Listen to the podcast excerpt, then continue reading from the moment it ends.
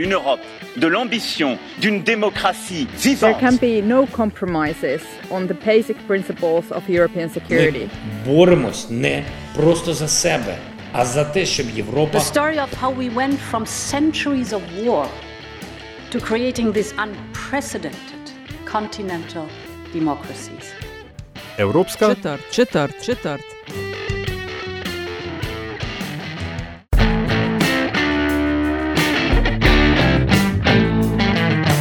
You are listening to a podcast on all things European, a podcast we call European Quarter, and is part of Metina Lista Media Network based in Slovenia. My name is Nataša Briški, and I am one half of the podcast team. And my name is Aljaž Pengov Bitenc and I comprise the other half of the team. You'll find this podcast as at metinalista.si as well as at your favorite podcast streaming service and or podcast streaming application. And we are continuing our conversation with uh, participants and the speakers at the Bled Strategic Forum. Aljaž, we have a super interesting episode ahead of us with uh, Professor Pranab uh, Bardhan. He is a professor emeritus of economics uh, at the University of California, and he recently published a book uh, that is called A World of Insecurity. He researched um, the situation in not only the rich countries but also the poor countries, and we'll try to put things into perspective and see uh, what he wrote. Yes, in, in, Nataša, and uh, in a way, this sort of ties into our, our previous episode with Anna Roche and uh, Rodney Dunn about how um, inequality in access to resources and uh, other sort of economic inequalities sort of feed into this global instability, which uh, seems to be more and more the order of the day. So, Professor. Bardhan, uh, thank you so much for taking the time and being uh, being here on our podcast. Thank you for inviting me. Um, it's a great opportunity for me to address uh, your listeners, which I don't usually get uh, exposure to. Uh, yes, my book, Harvard University Press, published at the end of last year. And the, uh, you've already mentioned the title of the book. The subtitle is Democratic Disenchantment in Rich and Poor Countries. there are, of course, many books on uh, uh, the the erosion of democracy in rich countries, particularly in North America and in Europe, both West and uh, East Europe. But there's less in the books in the market. There's less um, emphasis on developing countries. So I, in my book, I discuss Europe, I discuss North America, but I also discuss developing countries, primarily there are three developing countries I focus on. Uh, one is my own country, which is India. Uh, a second is Turkey. Uh, uh, uh, my, uh, in India, it's now under Prime Minister Modi. In Turkey, it's under Erdogan. And when I wrote the book, um, Brazil was under Bolsonaro. Of course, Bolsonaro has lost in the recent election, but even if he has lost and Lula has come to power, Bolsonaro's party is quite dominant in the in the legislature. And this is a general phenomenon of uh, erosion of uh, democracy and the rise of extreme right wing uh, all over Europe, and certainly a very country that's quite near. Hungary is a major example. Poland is a major example of right wing extremism. So I wanted to understand why this is happening all over the world. Uh, not all over the world. There are some Latin American exceptions, uh, not moving to the right but a little bit to the left, but in general. So the first issue that's been brought up by many, including um, a Frenchman who's a good friend of mine, uh, Thomas Piketty, is the inequality issue that, that you brought up. Uh, I personally, uh, Thomas is a good friend, and I have been working, uh, including with him, on uh, on inequality for quite some time. But in writing the book, I thought inequality is not the major issue, even though inequality is a uh, is an extremely important issue. But I think the working class inequality is a left wing issue usually. Why are the workers turning right, not left? If inequality is something that that's primarily they're, uh, they're exercised about, they should turn left, not left, right. Exactly. Why? So that's what my book starts with. Um, so, in, in, order to understand that, I was thinking, well, also, I should also say that some of the leaders that the workers are going with toward the right are billionaires. Trump is a billionaire. You know, in, in, in France, um, uh, Marine Le Pen is a billionaire. Even though she didn't win, she got 44% of the French vote. Uh, Orban, Viktor Orban is, is a billionaire. You know, Putin is a billionaire, so on. Um, but so inequality probably is not the most important issue. So I tried to understand this. I that's why the title of the book is World of Insecurity. I think more than inequality, it's insecurity. Quite often, the workers may not bother about how the billionaires live their lives or accumulate their wealth, uh, but they are very much bothered about the insecurity in their own lives. Uh, not about how the top 1%, but in their own lives. And there, I talk about two kinds of insecurity. One is economic insecurity, job, uh, in, job losses, income losses, and so on. But I also give a lot of emphasis on what I call cultural insecurity. And cultural insecurity may, may have different kinds of culture being different in different countries, different cultural issues important. In Europe, immigration is a immigration can be both a cultural and economic issue, but I think it's the culturalist. It's alien people coming with different cultural norms, with different gender norms. They're coming, and, and people are, are, are worried about that. So Immigration in Europe and certainly also in the United States is a major cultural issue. In other countries, in Turkey, in India, uh, the cultural issue takes the form of religi- religious, uh, uh, you know, in, in Turkey it's Islamic nationalism, in, in India it's Hindu nationalism, in Poland it's Catholic nationalism. So it, it's not just immigration, mm. there's other issues.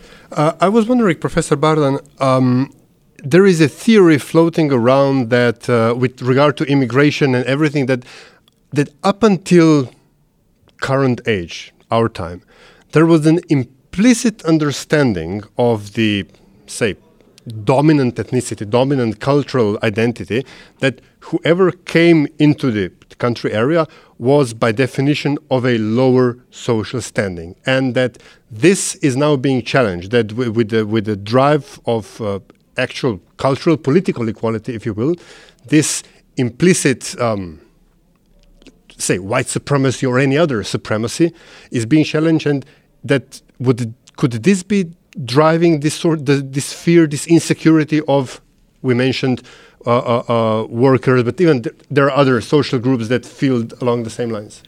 Right. Um, I think that certainly is, plays a very important role but there is something that I wanted to mention here, which is um, um, which is uh, uh, mentioned in a theoretical work primarily by this German philosopher Habermas. Mm-hmm.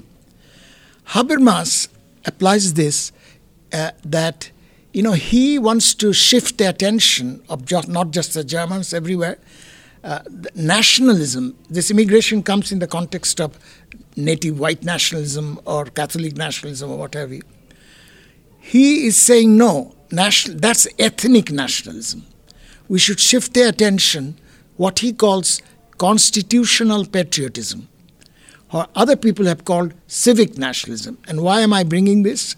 So he says, I, he essentially saying that he does not completely apply, um, uh, agree to the multiculturalism because that's a very important issue in the context of. Uh, he says no. He's not accepting multiculturalism in total. He's accepting other cultures as long as they are consistent with the liberal values in the Constitution. And that's why he's called it constitutional patriotism. I'll give you an example. So he would say, he doesn't give it this example, but I'm giving that example, uh, but applying his idea that if a woman wears a hijab, that does not violate the liberalism of the liberal values of the constitution. On the other hand, if a girl's education is stopped by the parents, or there is genital um, um, mutilation, yes. mutilation that is sanctioned by a particular culture, that is against the liberal principle of the constitution. So if you say multicultural, you have to accept our culture. No. If it is inconsistent with the liberal principles of the constitution, then we are not going to accept it. So in a sense, Habermas is not the only person who says this, but I'm just giving that as a, because he's very well known in Europe. That's why I'm giving his example. That one has to distinguish that yes, different cultures are acceptable as long as they're consistent with the liberal values of the Constitution. Sometimes it is called civic nationalism. He calls it constitutional patriotism. Barack Obama, there's a speech of Barack Obama that I quote in my book, Barack Obama said, It's a great strength of the United States that we are not a Christian nation. We are a nation uh, based on some liberal values of the Constitution. So again, he's also bringing in these liberal values. So I think we have to distinguish this in, in, in that respect. So in the book, you're focusing on the corrosion of uh, liberal democracies around the world, focus on, on Turkey, on Brazil, on India. Um, but you didn't start with the book to research this uh, sort of topics. Uh, seeing how things stand today, how worried would you say you are as things progress around the world? I'm very much worried. Because on the worried. index of democracies, the number of democracies is lower and lower. Lower. Yes, I'm very much worried. I, am I find that, uh, uh, in fact, for example, Viktor Orban in Hungary talks about illiberal democracy, which I think is completely false. Democracies have to be liberal, because otherwise, illiberal democracy is just his way of uh, sanctioning his own despotism. Just because he's elected, it does not mean democratic. You know, Putin got gets overwhelming majority, right, in elections. So it does not make him democratic. So I think one should distinguish uh, liberal democracy, uh, and and that's the essential part of democracy. Democracy is not just elections. Democracy is a basic value of human, some basic human rights, uh, which that is uh, there or not.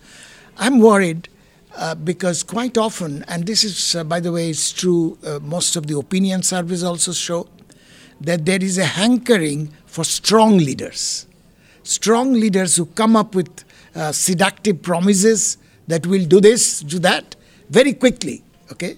This is like the Trump. But now there are Trump like politicians all over the world.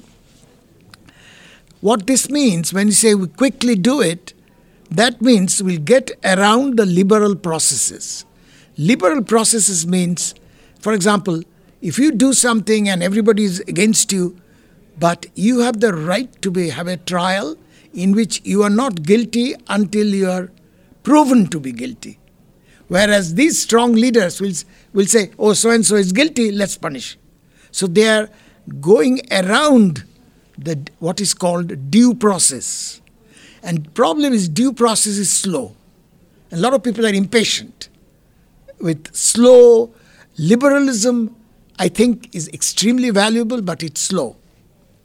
Uh, it cannot deliver. This is, for example, in the context of developing countries, have come up for many, many decades in a comparison between my country, India, and China. China sometimes they does quickly, things quickly. The leader decides and then happens. In India, even if they, I'm not talking about today's India, today's India is not fully democratic in my judgment, but at least until very recently, India, things will take a long time. There'll be a lot of discussion, debates, processions in the streets, demonstrations. But I think what happens with these processes, which are slow, but once you agree on something, it's much more stable. Whereas the despots, whether it's elected despots or not, like in Viktor Orban, or unelected despots like in China or in Russia, uh, no, in, not in Russia, he's elected, but the same, is wor- worse than Orban. Um, so there, it's unstable. Because depends if the leader is then not in power tomorrow, the whole thing will change.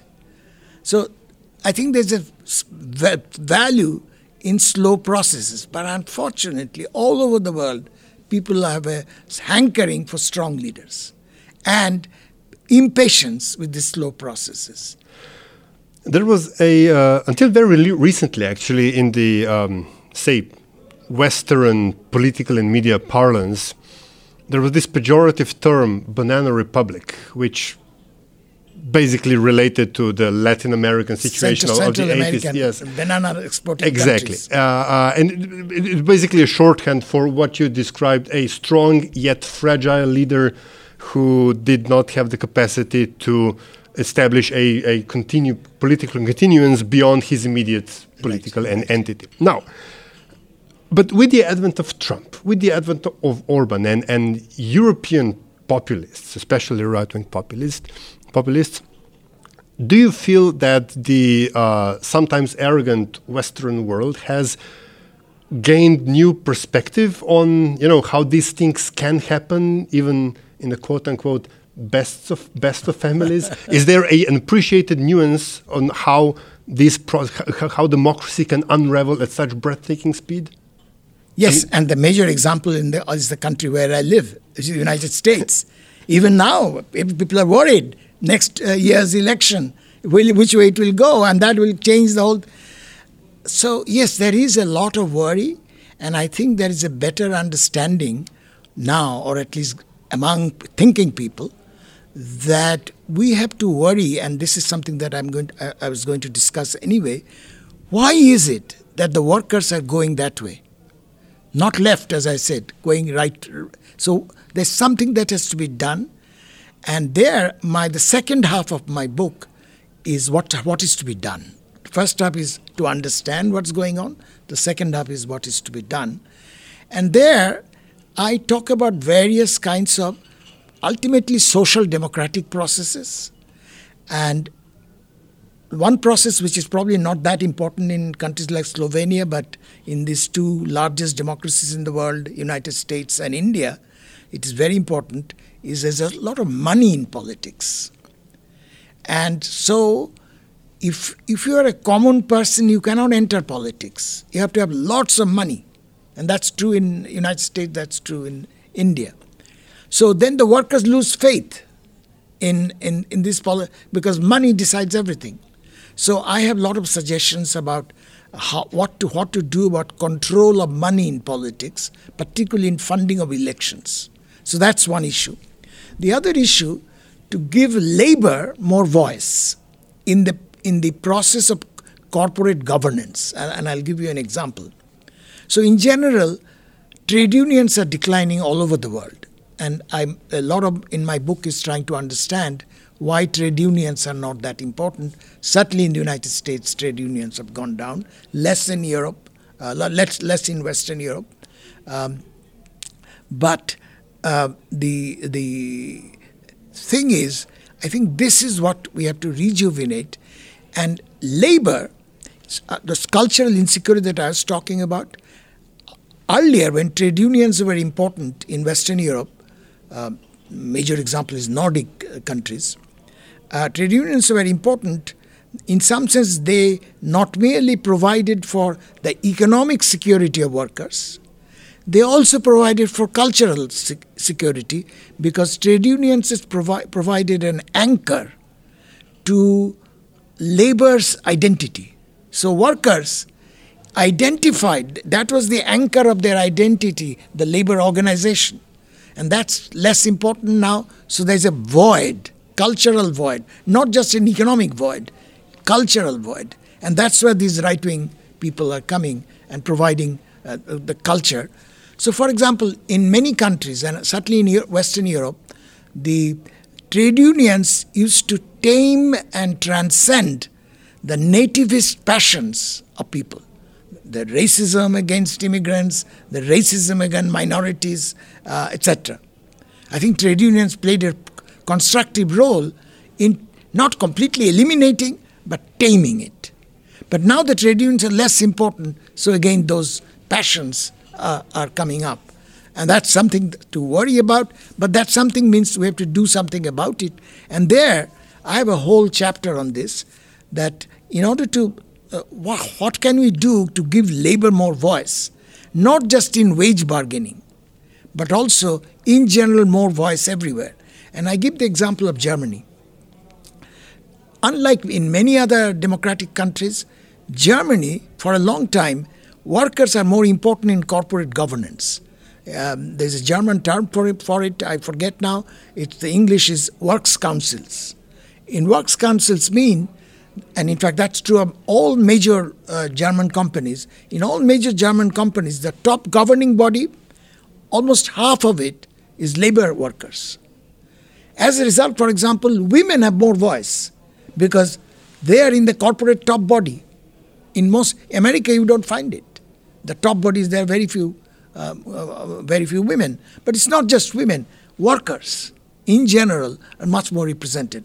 And to me, this very important for one issue in future, uh, but in general.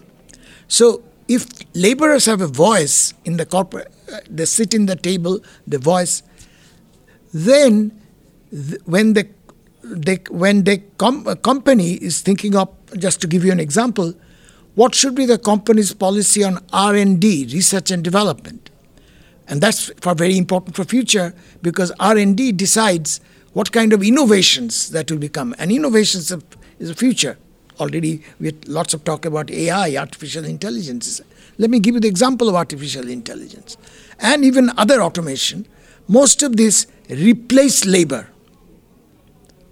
Now, if you if labor has a voice in the top governance, you can shift R&D toward not labor replacement, but labor using, labor empowering.